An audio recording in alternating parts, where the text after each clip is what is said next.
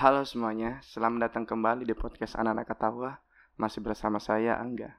Hari ini saya kedatangan seseorang yang sudah saya kenal hampir di sepanjang hidup saya. Iya, cukup lama, cukup cukup hmm, bisa dibilang bertahun-tahun sejak kecil, sejak sejak beda kita berapa ya? Tiga empat tahun mungkin ya, sekitar Hmm. tiga empat tahun. eh kami adalah dekat sejak kecil tumbuh bersama ya bisa dikatakan dibilang tumbuh di lingkungan yang sama iya sama seperti Tamara ini adalah sepupu saya. Halo Rina. Halo. hari ini saya kedatangan Rina. Lagi-lagi koneksi eh, kekeluargaan di bawah ke podcast ini. Karena saya bingung mencari siapa yang oh, oke kita memanfaatkan eh, silker-silker terdekat saya dan ya memanfaatkan atau coba berkolaborasi dengan keluarga tidak ada salahnya nah eh, apa kabar Rina Alhamdulillah. Baik. Ini kesibukan apa nih Rin har- akhir-akhir ini? Eh, kerja, kuliah. Mhm. Sekarang sedang-sedang kerja. Iya, iya. Jadi eh, Rin ini baru lulus dari eh, psikologi salah di salah satu kampus negeri di Kota Makassar. Nah, eh, ada hal menarik sebenarnya dari Rina ini yang kenapa saya ingin coba mengajaknya ngobrol di sini. Jadi, eh, karena kami tumbuh bersama dengan kecenderungan eh, eh, budaya eh, ke- cara membesarkan yang sama, maka selera-selera kami itu lebih cenderung mirip-mirip, terutama di makanan, di makanan. Nah, eh, s- kau Rin cukup ini kan, cukup terbiasa untuk explore makanan. Oh iya. Nah, yang yang ini kan kita berada di kota Makassar. Mungkin teman-teman ada yang mendengarkan ini bukan dari Makassar. Nah, misalnya nih, Hmm. ada orang datang ke Makassar, Hmm. apa hal yang yang kau tawarkan untuk ajak dia makan pertama kali? Dan dia jawabannya terserah kau, surprise me. Jadi kau tidak kau tidak dia tidak menjawab saya mau mie, saya mau Hmm, daging, saya mau hmm. ikan. enggak. Saya mau makan makanan Makassar. Hmm. Apa hal pertama yang akan kau bawa ke dia? Eh, kalau misalnya pada umumnya pasti bilang coto. Mhm, mhm, Tidak mungkin tidak coto. mhm, Eh, cuman eh, kemarin sempat ada teman yang datang juga dari Jakarta. mhm, mhm. Dia tidak tahu mau makan apa. Terus dia tanya, kalau menurutmu yang enak di Makassar apa? Mm, Hmm. mm. Kalau di Makassar banyak ya. yang enak pasti Semua banyak, enak, semuanya enak. heeh. tergantung kau makannya apa bilang terus dia memang seperti Kak Angga tadi persis jadi Hmm. kayak saya kayak flashback juga dia bilang ih terserah mau makan apa karena saya ndak belum tahu apa-apa di Betul, Makassar ya betul. saya bilang eh kalau kalau misalnya kan waktu itu kebetulan dia datang lagi musim eh, agak mendung-mendung gitu di Makassar belum Oke. masuk musim hujan cuman waktu itu lagi mendung-mendung Hmm, Cuacanya lagi adem-ademnya. Ah, anu ah cuaca-cuaca manja Cuaca gitu adem. terus kayak eh ya sudah kalau saya sarankan yang saya suka kan kalau Hmm. misalnya lagi dalam keadaan seperti ini anaknya makan apa makanya Hmm. waktu itu saya tawarkan sop lidah yang di Jalan Rusa Hmm, Hmm, hmm, Kak. hmm. Sop lidah Ah, rusa. ah, terus ah, terus saya juga tawarkan ah, ada dua saya bilang kayak gitu Hmm. ada dua ini cuman dua-duanya sejenis dua-duanya tuh berkuah dan dua-duanya tuh daging Oke, apa itu? Ya, Sop oh apa satunya palu basah Di Hmm, Serigala. di Jalan Oke. Serigala tuh. Oh, yang menurutmu yang mana enak? Terus kalau disuruh rating, dua-duanya menurutku sama-sama enak dan Tergantung kamu lagi Ah, apa ah, gitu. gitu tergantung itu sih dia sebenarnya. Aku terus bilang kak terus kalau coto itu sampingannya ketupat. Kalau ini dua-duanya juga nasi sampingannya. Hmm, Jadi hmm. mau apa bebas. Terus akhirnya dia bilang dua-duanya saja. Oke. Jadi dalam dalam waktu eh, apa di malam yang sama Iya, heeh, jadi makan sop lidah di rusa. dan di palu basah. Palu Saya sudah kasih Serigala. pertimbangan. Oke. Yakin dua-duanya karena Ah. dua-duanya ini daging dan Mhm. dua-duanya itu berkuah. gitu. Mhm, mhm, Eh, dua-duanya itu nasi sampingannya lo bukan ketupat kan Kak? mhm, mhm. Ka- kalau mau dibilang kadang-kadang nasi tetap lebih mengenyangkan mengenyangkan daripada ketupat toh terus Hmm. katanya dia "Eh, iya apa tidak apa-apa terus saya sarankan oh ya sudah kalau begitu nanti di di palu basi di palu basi kita nggak usah makan nasi Oh, begitu, kayak gitu. gitu Oh, jadi kok awalnya di sop-sop lidah ini, sop iya lidah ini. iya uh-uh, Eh, dia dari mana kah? dari Jakarta Dan akhirnya dia dia lebih suka yang mana? Sop lidah atau palu basah? Eh, waktu itu dia suka dua-duanya cuman memang dia rasa kayak palu basah itu kayak something new Hmm. gitu. apalagi saya kak sengaja harus coba yang pakai alas Oke. jadi kayak Nah, memang, Nah, sedikit info untuk teman-teman yang mungkin tidak tahu. Kalian berdua membicarakan apa? Jadi Hmm. sop lidah itu adalah ya dag- potongan lidah, bagian lidah, cuman memang kuahnya itu cenderung bening. bening Bening, Iya. tapi memang ada ada ada kaldu sapinya kayak seperti itu yang memang lebih berasa tapi cenderung bening dan dan polos gitu kan. Nah, sementara palu basah, palu basah adalah hampir sama seperti tapi dia banyak potongan daging campuran seperti itu.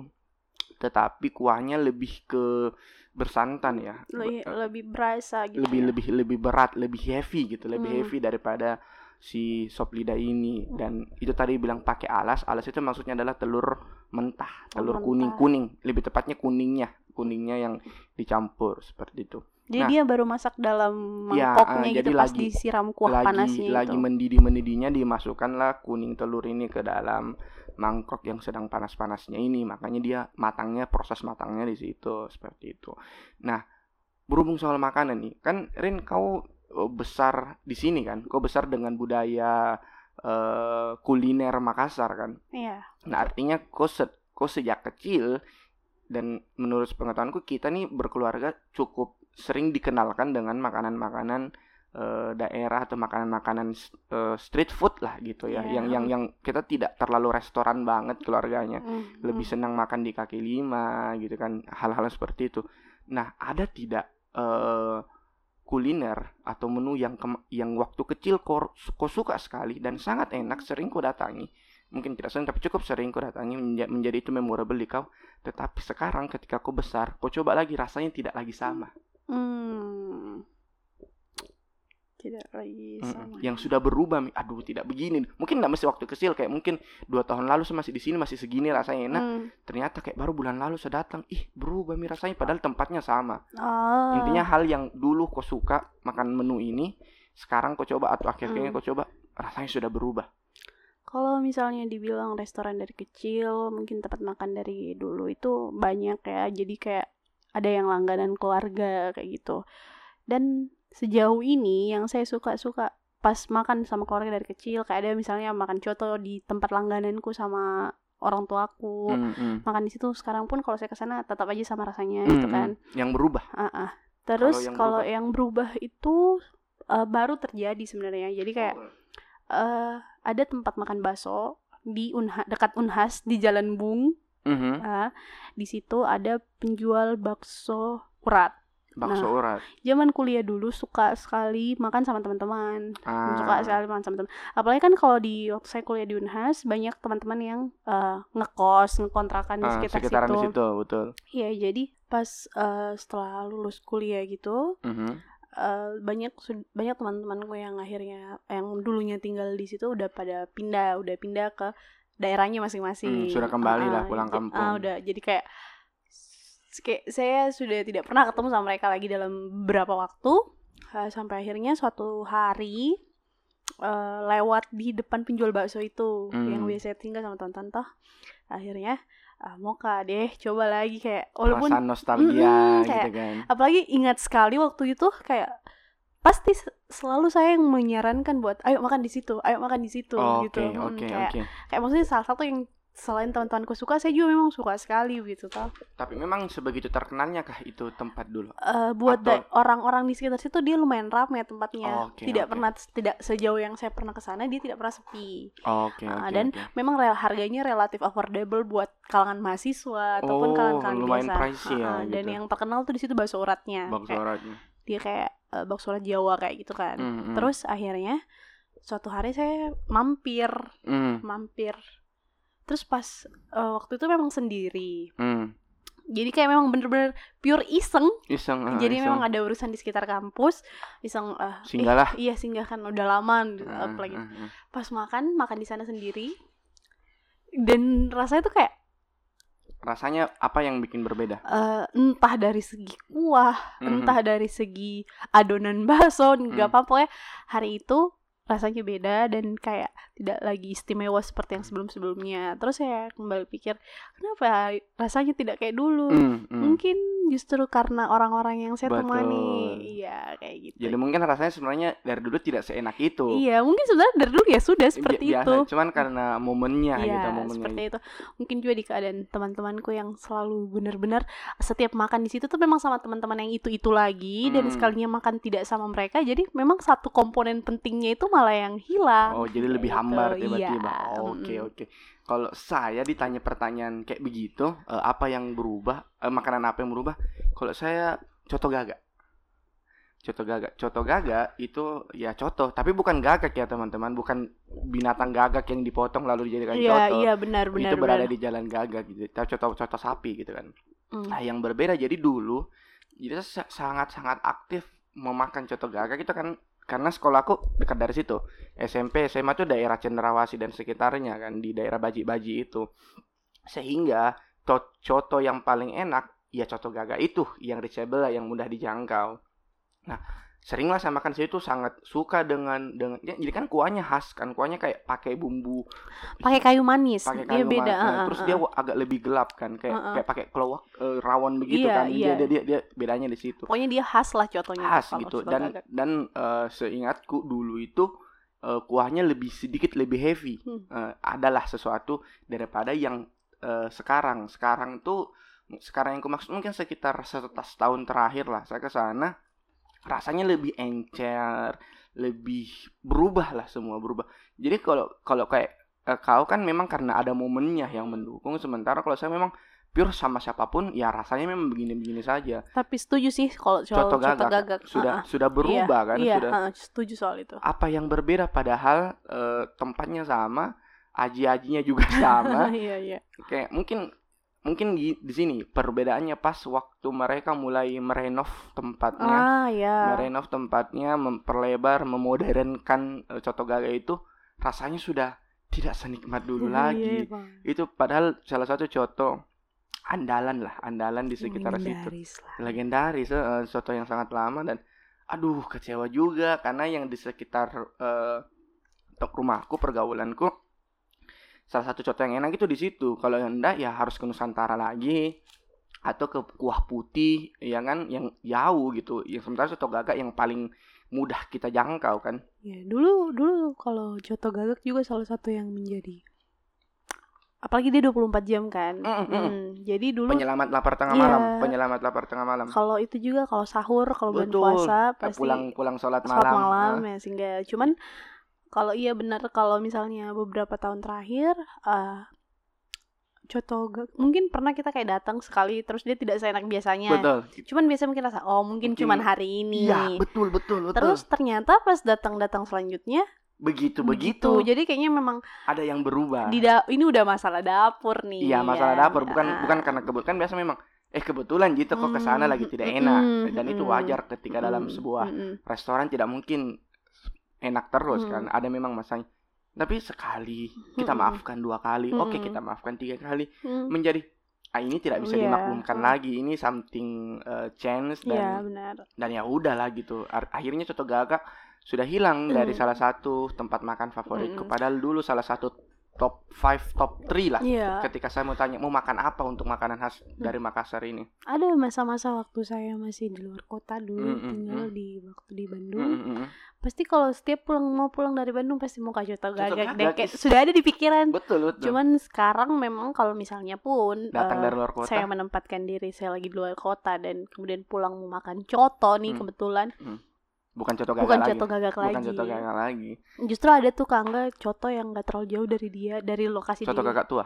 Bukan. bukan Maros coto Oh, Maros coto cuman Maros. Iya betul. agak lebih majuan ah, lebih tahu, ke arah tahu. pantai sedikit Tahu tahu lebih ke Justru, dalam kan, hmm, lebih ke dalam kan arahnya. itu malah jadi yang Lebih- padahal itu maksudnya kayak mulai dari harga dia jauh, Di jauh, sama coto jauh, gagak. jauh, lebih Iya. lebih murah dan kualitasnya tapi sekarang jadi jauh lebih suka yang itu sih Coto Maros. Iya. Ah, Coto Maros memang eh, salah satu yang lumayan. Jadi salah satu alternatif lah kan lumayan dekat kan jaraknya, lumayan dekat kan jaraknya. Jadi oh enak ke sana saja. Oh kan. Nah, sekarang memang betul kalau Coto Maros dan Coto Gaga ya ya kembali lagi ke masalah selera memang kembali Iya, ke masalah betul, selera. Yang jelas betul. yang saya rasakan yang Rina juga ternyata rasakan ketika mengkonsumsi Coto Gaga dulu beda itu beda, sekarang. beda, beda. Nah, kenapa pasti lah kok kalian bahas makanan Eh ya karena kami berdua suka makan kami berdua suka makan Ta- Hmm. tapi saya yang saya mau bilang ini khusus kepada Rina kita tidak membahas makanan hari ini Rin Hmm. ini hanya sekedar eh, permulaan pemanasan pemanasan Oke. saja untuk apa yang kita mau bahas sebelumnya gitu Oke. yang jadi kau kan tidak tahu sama sekali kan Iya, iya. sama sekali kau tidak tahu eh, seperti yang dibilang di awal eh, ini adalah surprise dan sebagainya dan mungkin untuk teman-teman semua yang sudah mendengarkan beberapa episode lain lagi-lagi saya bilang gitu bahwa se- setiap orang yang hadir di podcast saya dalam edisi ini adalah eh, mereka semua tidak mengetahui topik apa yang akan kita bahas jadi eh, itulah elemen surprise yang saya berikan kepada mereka-mereka yang bersedia meluangkan waktunya untuk datang ke podcast ini. Nah, yang saya mau bahas dari Rina, eh, di- dengan Rina, let's make some uh, serious conversation, asik. Eh, ini adalah hal yang sempat kita bicarakan tadi di mobil. Oh ya. Hal yang ketika saya mendengarkan ini pertama kali dari kau, itu langsung kayak, oh menarik, menarik. Eh, itu adalah masalah forgiveness Oh ya. atau memaafkan karena eh, banyak orang di luar sana teman-teman ya, yang mendengarkan saya pun sendiri atau mungkin Rina pun sendiri adalah pribadi yang tidak terlalu mudah dalam proses memaafkan Hmm. sesuatu oke nah eh, kenapa memilih saya memilih Rina dalam proses eh, untuk membahas topik ini topik ini karena eh, kemarin kebetulan waktu dia mengerjakan tugas akhir topiknya itu dan cukup bergelut ya cukup Iya. lumayan setahun ya untuk bergelut dengan itu Iya, hampir setahun. Hmm, cukup ya bisa dibilang ya agak sedikit mendalami lah lebih mendalami daripada orang-orang kebanyakan soal masalah forgiveness gitu. Tapi yang specifically di deskripsinya Rina dia bahasnya itu adalah eh, masalah eh, hubungan antara orang tua dan anak itu akibat korban perceraian. Nah tapi saya tidak mau membahas itu. Eh, saya cuma mem- saya mau membahas yang lebih-lebih umumnya gitu. Eh, bagaimana sih orang bisa dikatakan bahwa dia sampai pada tahap memaafkan. Oke. Berat sebenarnya pertanyaannya. Karena meskipun saya sudah lama menggeluti bukan juga lama menggeluti, maksudnya pernah terlibat di proses pengambilan data, belajar soal memaafkan, Hmm, hmm, turun ke lapangan langsung. hmm. Sampai saat ini tuh memaafkan itu sebenarnya benar-benar memaafkan itu sebenarnya benar-benar memaafkan itu benar-benar hal yang sulit. Betul, betul. Iya. Memaafkan itu beda dengan menerima Oh, oke. ya di dalam memaafkan ada penerimaan iya betul Ah. tapi menerima ataupun memahami hal yang terjadi belum berarti kita sudah memaafkan I see. ya seperti itu jadi secara umum sebenarnya memaafkan itu saat kita sudah tidak membebani diri sendiri ataupun Hmm. membebani orang lain Oke. tidak memikirkan hal itu sebagai hal yang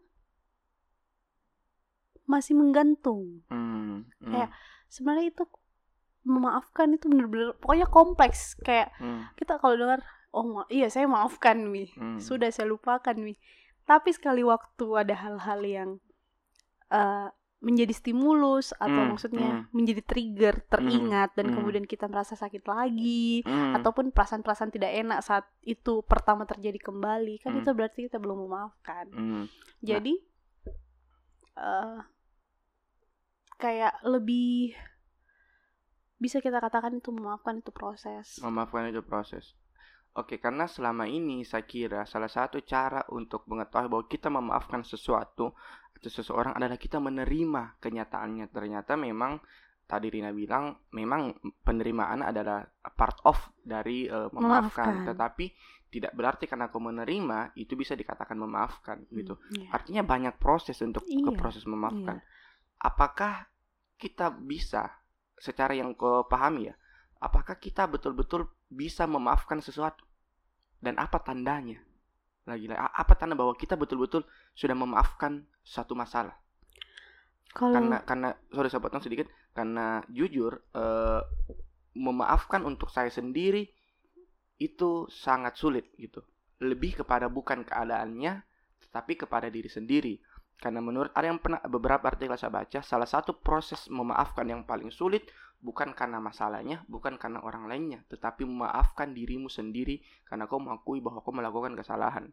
That's Iya. the, the the huge partnya gitu, yang yang Iya. le- yang jauh lebih more hard gitu, lebih sulit gitu kan. Hmm. Nah, bagaimana kalau? Iya. Jadi yang unik dari memaafkan ini dari banyak prosesnya itu justru yang paling susah adalah proses pertamanya. Apa itu? Proses pertamanya adalah menyadari bahwa ada hal yang membuat kita terluka. Oke, menyadari hal itu. Hmm, kita recognition of injury, Oh, kita recognition. menyadari kalau pun itu adalah kesalahan orang lain atau itu kesalahan diri kita sendiri, kita mengakui kalau iya yang saya lakukan kemarin itu bikin saya sakit atau yang dia lakukan kemarin bikin saya kecewa. Hmm. Kan kadang kadang-kadang kita Mhm. menolak mengakui Ya. kalau kita ini sebenarnya terluka yang kayak betul, betul. saya saya tidak ji cuman agak Jengkel jengkel, ya, saja jengkel ya, saja. Iya, kayak maksudnya kita kadang denial sama emosi yang sebenarnya kita rasakan dengan dengan mengatakan ya tidak tidak cuman ini cuman ini sebenarnya itu kayak penolakan secara tidak langsung dari ego ego kita sendiri gitu kan Oh. kita tidak menerima kenyataan bahwa orang lain memang sudah berhasil menyakiti saya hmm. kayak begitu dan dan proses memaafkan itu artinya kan kau bilang tadi yang paling sulit kita recognize gitu iya menyadari siapa yang Iya. salah di sini gitu Iya, jadi kan ada maafkan itu ada beberapa proses. Hmm. Nah, kebetulan di proses yang paling pertama itu adalah menyadari bahwa diri kita sendiri memang terluka. Hmm. setelah itu kita apa proses selanjutnya Setelah yang itu, yang kedua baru kita bisa beralih ke pemahaman Aha. secara kognisi, secara afektif oh oke tindakan orang tersebut. Ah, karena mungkin kebanyakan eh, teman-teman yang mendengarkan kita atau saya pun memang part pertama itu banyak yang di skip langsung langsung mencari yang poin kedua yang apa eh, Berusaha memahami. berusaha memahami kayak oh ya mungkin iya. Tapi kita tidak menyadari bahwa kita sering so- sering salah persepsi. Kita Mm-mm. sering menganggap bahwa yang salah itu dia yang salah itu keadaan yang salah itu waktu yang salah itu bla bla bla bla. Tapi kita tidak pernah bercermin bahwa sebenarnya akarnya kau gitu Ka- kaunya gitu kau yang ternyata maksudnya salah mis mispersepsi eh, ter- eh, terhadap siapa yang salah karena kan eh, ada ada sebuah kalimat yang mengatakan bahwa ketika kau mengetahui sebuah masalah setengah jawaban dari permasalahan itu sudah selesai sebenarnya Hmm. karena kalau kau mau menyelesaikan menjawab sebuah permasalahan ya kau Hmm. harus cari tahu dulu Iya, masalahnya iya, apa gitu dan itu dan itu sering kali kenapa menurutku banyak orang-orang yang eh, gagal memahami eh, proses pemaafannya lebih panjang karena dia salah menempatkan eh, posisi siapa yang salah itu siapa yang dia recognize di awal. Bisa jadi dia justru menyalahkan dirinya padahal dirimu mungkin tidak sesalah itu. Banyak ada orang lain yang lebih besar ataupun begitu pun sebaliknya. Iya. apakah memang seperti itu atau bagaimana?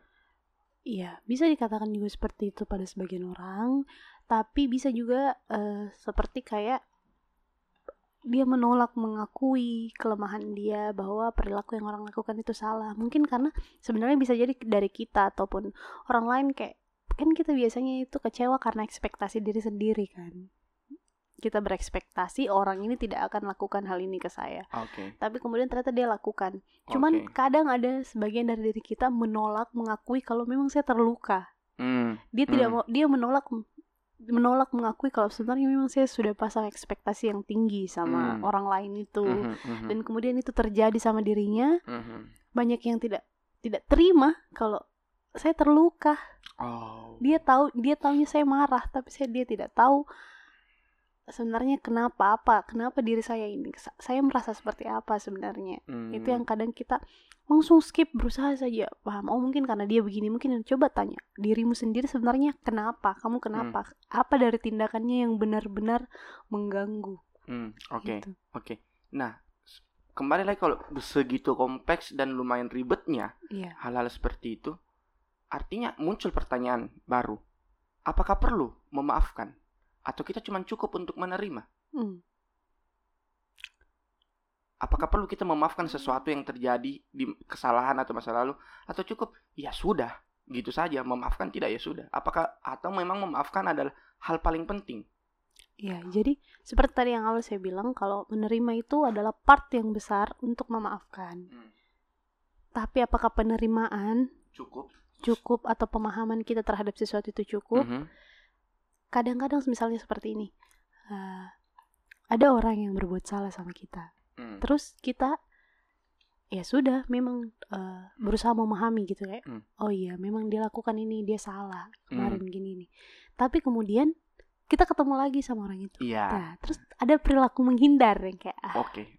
Denial. ya saya kalau menghindar itu artinya apa artinya kita masih memiliki perasaan yang tidak enak sama orang itu kan Hmm. kita menerima gitu ya kayak Hmm. kita menerima dia berbuat salah kita berusaha paham tapi kita belum memaafkan Hmm. bedanya mungkin menerima dengan memaafkan adalah ketika kita memaafkan Mhm.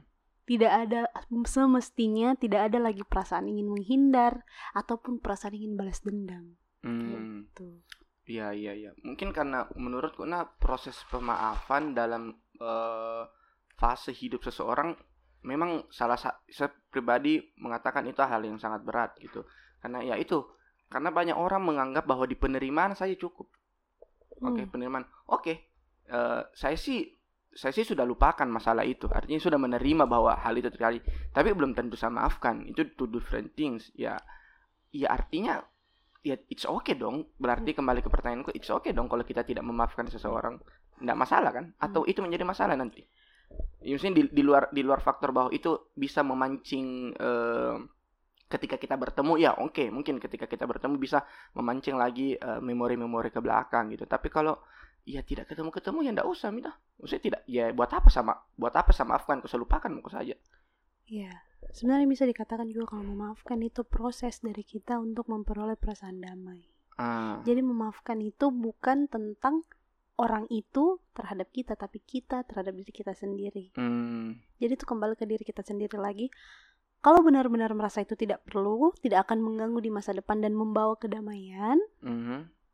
itu tergantung kembali ke kita lagi mau dilakukan atau tidak. oke Cuman mem- yang mungkin luput tadi saya sampaikan kalau memaafkan itu proses. memaafkan itu proses proses-proses yang panjang sekali dan tidak semua orang prosesnya sama. ah itu dia itu Iya. betul betul Mm-mm. karena eh, sebenarnya sebenarnya sedikit nyambung dengan salah satu topik yang saya bicarakan di eh, episode yang lain itu soal toxic positivity. Saya membahas Hmm. toxic positivity.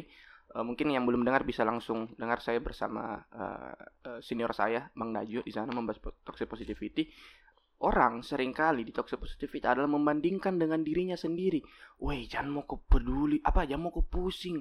Kalau masalah begitu, bisa di saya dulu lebih parah membandingkan Ya, dirinya betul. itu kayak bikin orang eh, lagi-lagi anjing kenapa kok saya tidak peduli tanggapanmu saya cuman saya tidak mau dibandingkan dengan masalahmu karena lagi-lagi setiap orang level level masalah itu berbeda-beda. Iya mungkin masalahmu bisa selesai dengan cara A tapi belum tentu caraku masalahku bisa selesai dengan masalah A apa dengan cara A bisa jadi dengan cara B C ataupun seterusnya. Nah yang seperti itu memang sering kali eh, ini apa luput gitu luput Iya, karena iya. pengaruh-pengaruh sosial dan lingkungan. Nah dalam proses memaafkan ini eh, yang yang setelah kau pelajari apakah memaafkan itu memang kan butuh proses butuh Iya, waktu hmm. dan itu bisa sebulan dua Hmm, bulan hmm, setahun hmm. dua puluh tahun itu terserah orangnya Iya, gitu iya, betul. Nah, menurut yang kau pahami, yang yang mungkin bisa jadi sedikit atau menyinggung soal eh, eh, data dari penelitianmu, Iya, iya. memaafkan yang mereka terima, yang mereka lakukan, apakah itu betul-betul melalui proses dirinya saja sendiri, atau itu ada bantuan dari lingkungan atau orang lain? Atau bisa dikatakan bagaimana sih proses memaafkan paling efektif untuk seseorang? Kebetulan kemarin dari keseluruhan rangkaian penelitianku dari beberapa ini sekitar 10 orang yang saya wawancarai dan kemudian ada beberapa yang datanya akhirnya saya dalami tidak ada orang yang benar-benar sampai pada tahapan memaafkan Oh. yang benar-benar memaafkan Benar-benar memaafkan. tapi setiap subjek yang saya wawancarai semuanya melakukan proses memaafkan Hmm. mereka melakukan langkah-langkah menuju ke arah situ Mhm. Walaupun terkadang ada lagi hal-hal yang membuat mereka kembali merasakan emosi-emosi negatif, kembali Hmm, lagi merasa betul. marah, kembali merasa Betul. sedih. Tapi tidak ada yang berhenti. Jadi mereka tetap berusaha dari dalam dirinya sendiri. Berkaitan lagi dengan pemahaman seperti apakah orang ini yang kita anggap sudah menyakiti kita, tetap kita inginkan di, eh, kehadirannya dalam kehidupan kita atau tidak. Hmm. Misalnya orang yang menyakiti kita ini seperti sahabat Hmm. atau mungkin teman dekat pacar Hmm. begitu Hmm. atau bahkan mungkin keluarga Mhm. di saat kita menyadari saya tetap mau orang ini ada di dalam hidupku di beberapa tahun kemudian, di beberapa waktu kemudian, ada usaha dari kita untuk belajar memaafkan orang ini. berkompromi untuk Iya, itu Iya. Karena kita sadar kalau saya masih mau orang ini ada di hidupku. Jadi meskipun memang dia sadar juga kalau misalnya tindakannya ini orang sangat-sangat menyakiti dirinya sendiri, cuman dia tahu saya tetap butuh orang ini atau yang kayak bagaimanapun dia keluargaku, bagaimanapun dia sahabatku, Hmm, butuh kak butuh kak gitu Oh. perasaan itu. Jadi itu kembali lagi berkaitan dengan dirinya sendiri. artinya memang sesulit itu kak sulit itu memang momen untuk mencari proses memaafkan kan bayangkan eh, kau ambil subjek 10 kan 10 Iya. 10 dan ternyata ke 10 10-nya tidak ada yang sampai ke proses itu dong Iya. Bahkan ada yang stuck.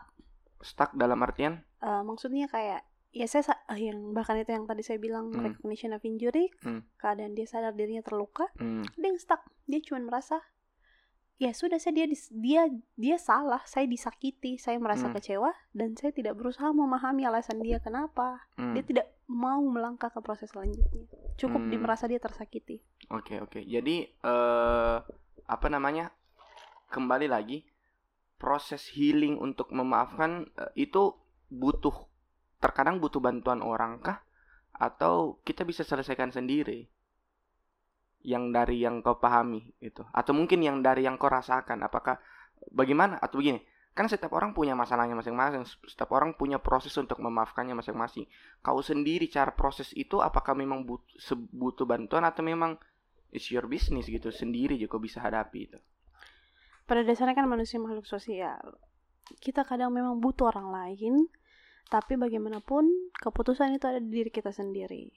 Jadi sebenarnya ama, eh, setiap individu juga kan punya copingnya masing-masing. Ada yang suka kalau misalnya dia bersama orang-orang banyak, Mhm, ada yang tidak. mhm. Nah, meskipun demikian, pada akhirnya eh, yang merasakan kan itu diri kita sendiri. betul betul betul Tapi bukan berarti pandangan orang orang lain itu tidak penting. Hmm, Kita tidak ada salahnya mendengarkan kayak Hmm. begitu. Jadi kayak misalnya dari yang saya pahami sendiri pun eh, dalam proses memaafkan itu sendiri, kadang-kadang memang kita butuh pandangannya orang lain. betul benar Kita perlu pandangannya orang lain.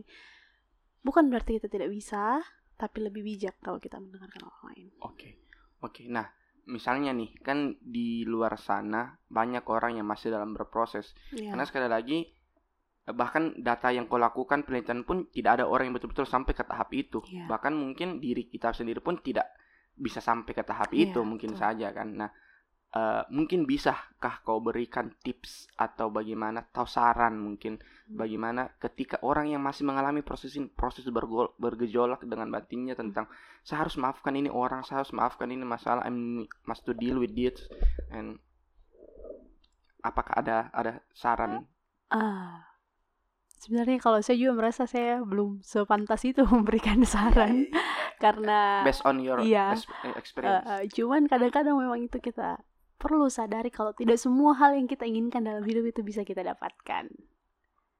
Tidak semua hal dalam hidup dan tidak apa-apa, hal itu tidak apa-apa. Dalam arti tidak ada yang salah dari semua keputusan yang sudah kita ambil karena pasti ada alasan pada saat pengambilan keputusan itu. Tidak ada salahnya merasakan penyesalan. Tidak ada salahnya karena hal itu membuat kita belajar. oh, oke Iya, jadi eh segala sesuatu yang, segala sesuatu yang terjadi sudah digariskan, sudah itu adanya, Hmm, kita harus menerima, kita perlu menerima apa yang kesalahan yang telah kita lakukan, apa yang kesalahan orang lain telah kita eh, telah lakukan kepada diri kita sampai menyakiti kita. hmm, Kita belajar menerima dan proses yang paling sulit memang kita belajar memaafkan hmm. Dalam proses belajarnya memaafkan itu pun saking susahnya itu memaafkan hmm, dan hmm, saking maksudnya pencapaian yang sangat tinggi Hmm. proses memaafkan pun memberikan kedamaian di hati kita sendiri Ah. Kayak gitu. Daripada kita simpan benci bahkan belajar memaafkannya pun itu sebenarnya sudah belajar berani memaafkan tidak terlibat dalam benci itu sendiri terus menerus itu pun sudah suatu hal yang bisa membawa kedamaian di hati kita Ah, karena kan mungkin- eh, kata maaf itu kan sebenarnya kata yang paling mudah diucapkan. Please gitu. Please, sangat sangat mudah diucapkan tapi banyak orang yang mengucapkan itu tidak dengan niat yang sungguh-sungguh gitu. Uh, mungkin ada yang bertanya di, di yang lagi mendengarkan ini bilang ih kenapa kak ini angga? Panggil orang untuk membahas soal memaafkan, gitu. Hmm. Karena jujur saya cerita sedikit bahwa saya pun uh, sangat kesulitan ketika melalui proses pemaafan terutama soal pemaafan kepada diri sendiri gitu. Sampai mungkin beberapa mungkin hampir sampai detik ini saya pun ada beberapa hal yang tidak bisa belum bisa memaafkan uh, kondisi bukan orangnya bukan lingkungannya bukan waktunya. Karena memang ya sayanya sayanya. Sekali lagi itu sayanya. Jadi mungkin sedikit cerita sedikit sedikit curhat ini teman-teman. Ya sedikit curhat. Jadi uh, mungkin dia juga sudah sudah sudah sedikit uh, tahu dengan dengan dengan cerita ini yang akan saya ceritakan. Jadi saya pernah punya hubungan yang cukup lama salah satu hubungan terpanjang dalam dalam hidup saya ketika memasuki proses uh, uh, kehidupan dan percintaan. Nah di di hubungan ini yang sudah sudah berjalan cukup lama ini uh, hubungan itu akhirnya harus berakhir harus berakhir dengan dengan anggapan uh, dengan dengan ending yang sebenarnya kurang baik. Kurang baik. Tapi saya selalu menganggap itu ya memang harusnya selesai seperti ini. Memang sebaiknya ya sudah begitu saja. Tetapi itu adalah kata-kata atau sikap yang saya ke orang-orang. Tetapi uh, di Inside My Heart mengatakan bahwa ini belum selesai karena ternyata ada hal-hal dalam diriku yang belum belum saya begitu berdamai dengan hal itu. Setelah proses lama saya tidak tahu ini apa, ini apa berbulan-bulan gitu, hampir mungkin setahun lebih. Dan akhirnya saya uh, sadar bahwa momen itu adalah ketika saya terlalu menyalahkan diriku. Jadi uh, apa lawan kata dari memaafkan ada menyalahkan, ya kan? Uh, saya menyalahkan diriku atas semua segala macam kejadian buruk yang terjadi saat hubungan itu berakhir, setelah hubungan itu berakhir hingga sampai saat itu. Yang kenapa saya menyalahkan diriku? Karena saya waktu itu bilang kena kak karma ini, kena kak karma karena mungkin saya sakit orang baik, orang baik, mungkin sakit sakitnya orang, lalu uh, kayak semesta mendukung bahwa kena kok juga saya, saya, saya, saya marahi kok juga atau saya hukum kok juga itu makanya maka daripada itu ada kak di fase menyalahkan kak terus diriku, menyalahkan, menyalahkan, menyalahkan tanpa tanpa uh, mungkin mungkin bisa bisa jadi sebenarnya saya tidak sesalah itu. Bisa jadi dia juga salah. Bisa jadi ada beberapa lingkungan yang membuat itu menjadi salah. Proses ketika mengetahuinya recognize itu adalah proses yang panjang. Bahkan untuk sampai satu tahap pun itu panjang. Itu panjang dan ketika teman-teman di luar sana menghadapi situasi yang mirip dengan saya, it's okay. It's okay, take your time. Take your time. Continue life gitu kan. Maksudnya kayak ya sudah memang begitu nih hidup. Mau ke apa? Uh, uh, proses untuk menyadari bahwa siapa yang salah itu memang tidak semudah itu, tidak selesai gitu, tidak tidak sesederhana itu. Nah, akhirnya setelah mengetahui itu, mengetahui bahwa uh, menyadari bahwa saya salah ini, saya salah lalu lalu ke proses ternyata mungkin tidak sesalah itu juga enggak mungkin tidak sesalah itu nah baru pih proses memaafkannya proses baru yang sebenarnya dimulai baru, baru sebenarnya dimulai yeah. jadi iya. ketika bilang selesai mau damai mau masa lalu uh, harus kok banyak proses tahapannya banyak layer-layernya gitu yeah. dan memaafkan ini ternyata baru dimulai di setahun terakhir yeah. padahal hubungan itu sudah selesai hampir dua tahun dua tiga tahun terakhir dua tiga oh. tahun yang lalu bilang selama itu baru kak menyadari oh berat memang di. Iya, memaafkan yeah. berat memaafkan. Dan yang paling berat memaafkan di proses memaafkan adalah ketika kau tahu yang salah adalah dirimu. Ketika kau tahu bahwa oke okay, saya yang salah saya harus bagaimana? Yeah. muka kembali ke belakang sudah terlalu jauh ini tertinggal. Yeah. sudah terlalu jauh. Jadi akhirnya sampai pada pada titik kembali ke menyalahkan diriku. Hmm. lagi-lagi. Jadi begitu kita terus uh, menyalahkan oke berusaha memaafkan. Lalu tiba-tiba ada lagi satu poin baru saya salahkan lagi. Begitu lagi. Begitu terus begitu terus. Hingga akhirnya itu aku bilang di satu tahun terakhir ini kurang lebih satu tahun terakhir paham bahwa uh, diriku memang mungkin salah? Oke okay, it's okay. Saya belajar saya bertumbuh dengan hal-hal yeah. itu. hmm. saya bertumbuh dengan hal itu. Yang menjadi masalah uh, dari proses memaafkan adalah kita mempercayai kembali hal yang kita maafkan dulu. Dalam artian misalnya uh, masalahnya adalah sebuah hubungan, kita maafkan itu uh, permasalahan di sebuah hubungan itu dan dan dan be mencoba berdamai. Tapi yang menjadi masalahnya adalah ketika kita mau memulai lagi. Dalam kasus saya adalah sebuah menjalin sebuah hubungan, beratnya di situ. Hmm.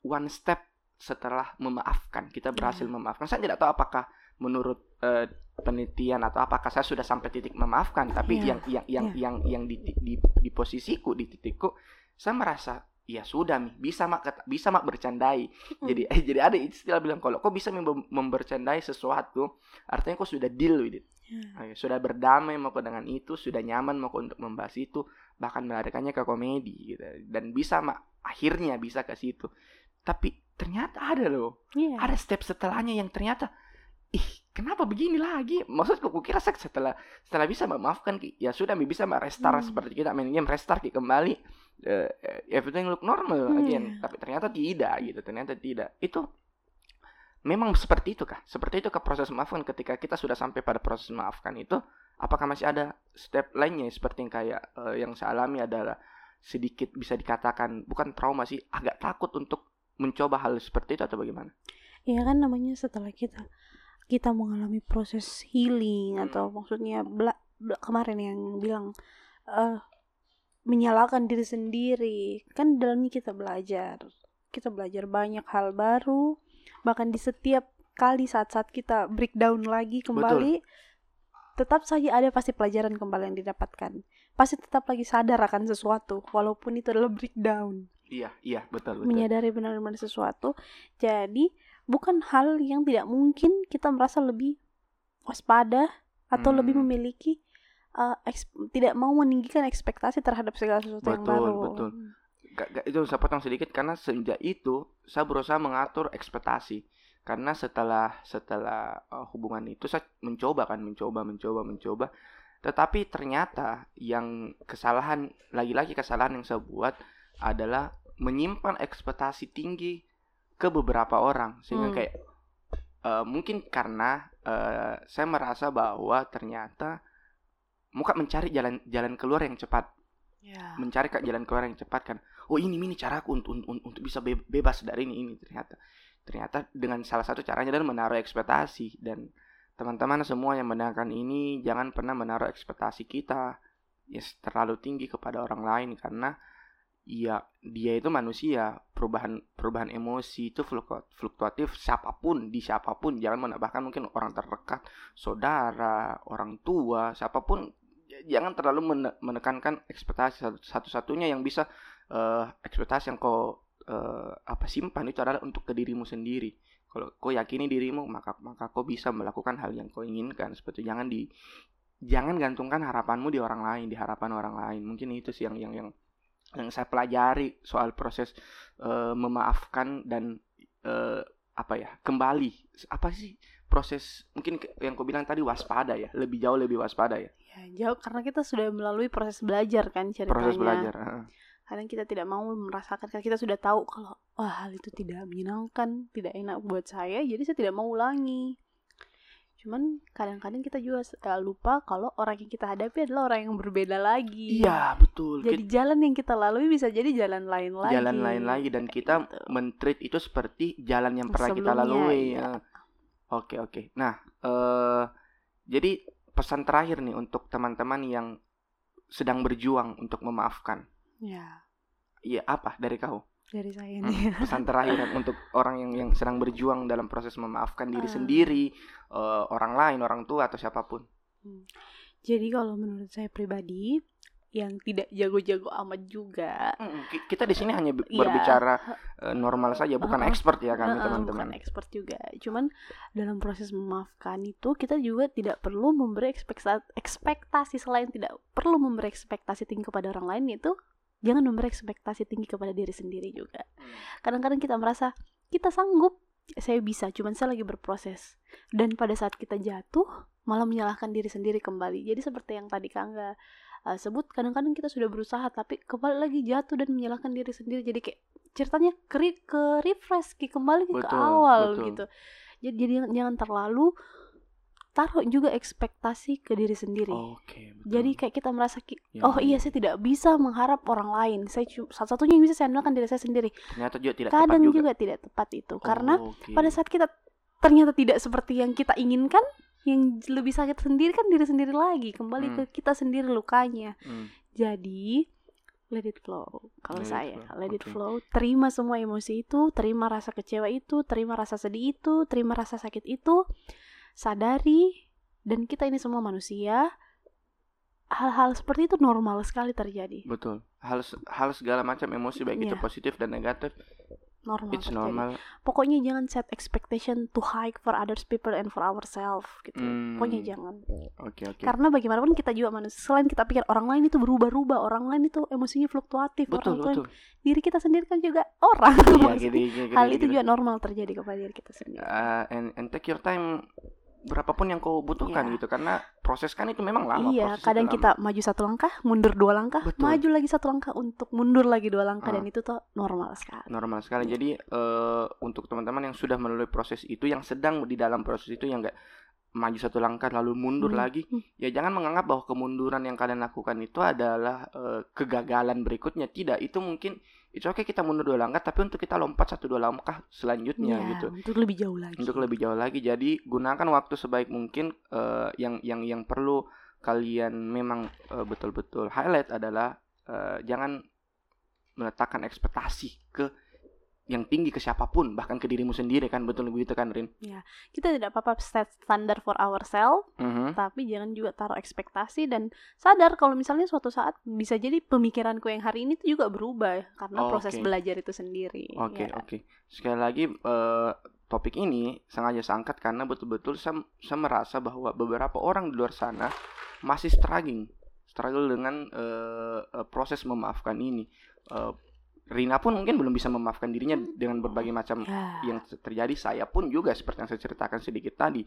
Teman-teman juga. Jadi it's okay, it's okay kita dalam proses ini. It's okay dalam ketika kita sedih, marah, kecewa, terpuruk. It's okay. Cuman kalian harus tahu bahwa eh, masalah tidak akan selesai jika itu didiamkan.